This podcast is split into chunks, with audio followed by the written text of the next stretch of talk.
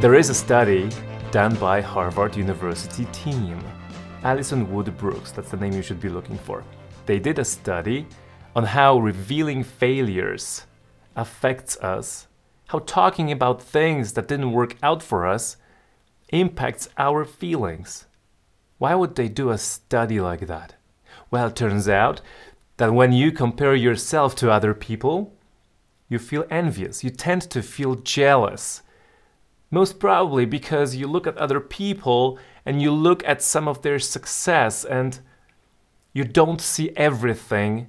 Your perception is very much inadequate because you don't see their failures, you don't see their efforts and their difficulties and so on. You only look at success and you feel envious and jealous.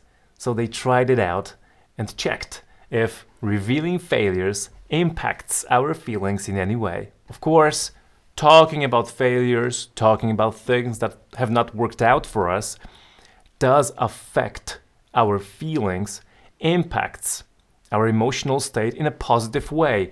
It really eliminates the state of jealousy and envy. You just stop being envious of those people. So, what can we do about it as trainers, facilitators, and team coaches? Well, one idea is to do fuck up nights. And you might be familiar with fuck up nights. It's a it's an event, usually in the evening when people get together and people present their failures. They talk about things that did not work out. Um, it, it is a way to to do it, but I'm not sure this will exactly help with the feelings of envy and jealousy. This is great for learning, provided those fuck up nights are really about fuck ups and not necessarily about promoting those people that present.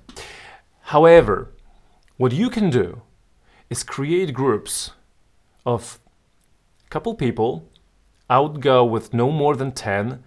The optimum would be six or seven that would meet um, regularly, maybe once a month, once every three weeks, and they could talk about their problems. This is what action learning team coaching is all about. It's actually one of the ways in which you can do action learning team coaching because in this process you have single problem uh, projects, you have multi problem projects.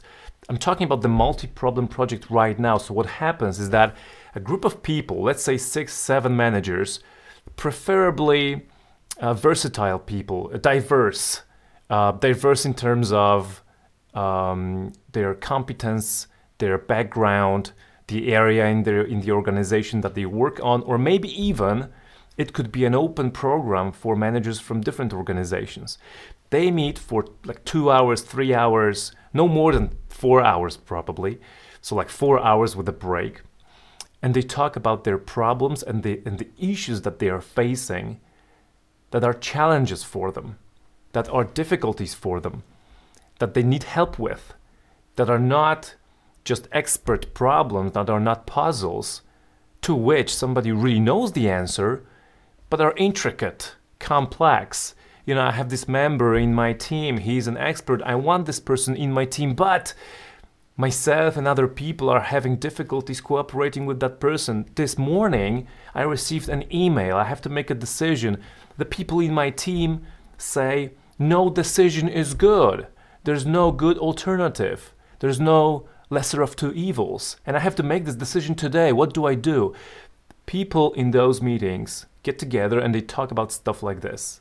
Sometimes they, they talk about past events, but most often they discuss things that are here and now important for them. If you want engagement in your work, or if you are a human resource professional and you want engagement, let people talk about what is important for them not for the trainer, facilitator, team coach, or you. This is the mistake very often learning professionals make.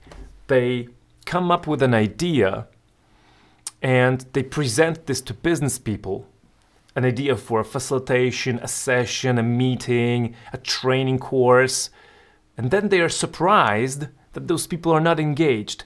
It's just like in sales and marketing. Elon Musk, this gentleman from Tesla, who set up Tesla, PayPal, SpaceX, he will say this When you want to set up a business, you have an idea, which is most probably wrong. You go, you, you carry out that idea, and you look for the feedback from reality and you um, you make it better on the basis of that feedback. And this is this is what we should do in business and in helping others learn as learning and development professionals. Let people deal with their challenges, with things that are important and with things that they want to get rid of. Have them take actions and then learn from those actions. If they are not alone, there are other people in the group that they can get help from. There is a good chance there will be some good ideas from such a session. There will be some adequate, effective ideas and actions as a result of a meeting like that. It's not like shooting with a blindfold and you just take any actions and you, you know, have any ideas.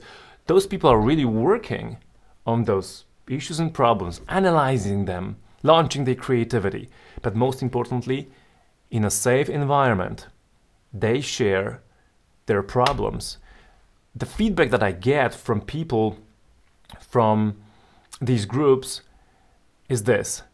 This is the one group, the one event in my work, in my organization, in which I can be listened I can share my difficulties, I can truly get support. Full stop. So people very much appreciate those forms that allow them to be natural, that allow them to let go, that allow them to talk about things that are difficult for them and get support and get true kindness and willingness to help. That's very supportive and that's what builds certainty and security when you are in an organization. That's like that's just like in life. When you have friends, you have family, you have other people who can support you when something goes wrong, you feel secure. You will most often feel insecure if you don't have such people and you are all alone. A lot of business people, a lot of managers are all alone despite the fact that they have their teams, but they don't really have opportunities to talk about issues they need help with or they need support with. Okay, so a couple of tips on how you can do it in your work as a trainer, facilitator, team coach, whatever. Number one, plan a session of, I say minimum 90 minutes, maximum four hours with a break of 20 minutes. Tip two, get a group of, I say, five to seven people. Not less, not more, eight would be maximum. Number three, tell them what will happen. They will have a chance to talk about their problems and they will have a chance to share issues that need resolving, not past issues. Well, they can talk about past issues, but Action learning team coaching, at least, is all about talking about things that are important here and now. If somebody wants to draw conclusions, like best practice from something that was a failure and ended, that's fine. It's not really action learning, but if that's helpful, you can go with that. Have them use questions. So, not necessarily give advice instantaneously right after they hear somebody presenting their problem, but rather have them ask questions.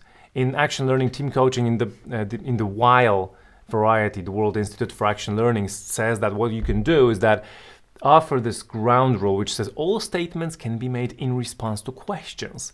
So we use questions and responses. We use questions to trigger reflection, to get information, to trigger creativity, and to focus on the problem. So make them uh, use questions. Um, next tip, stay on top of the process. Watch the process and intervene when you see some difficulties. Help them, but do not be too directive. Do not moderate, do not facilitate the process too much. Let them talk. Let them use questions, let them trigger each other's creativity, and only intervene when you see an opportunity for more effective work, which we call learning. And then the last tip, each, each conversation about the problem should end with a clear, clear action. So you should ask the problem presenter what actions are you going to take? What will you do as a result of this session? And then after three weeks or a month, ask that person, what have you done? What actions have you taken? What has been the result of these actions? And what have you learned from them? What have you learned about your organization, about the nature of the problem, and what have you learned about yourself? Ladies and gentlemen, boys and girls, that was a lot of talking, but I will see you in the next episode very soon. Take good care of yourselves. Bye now.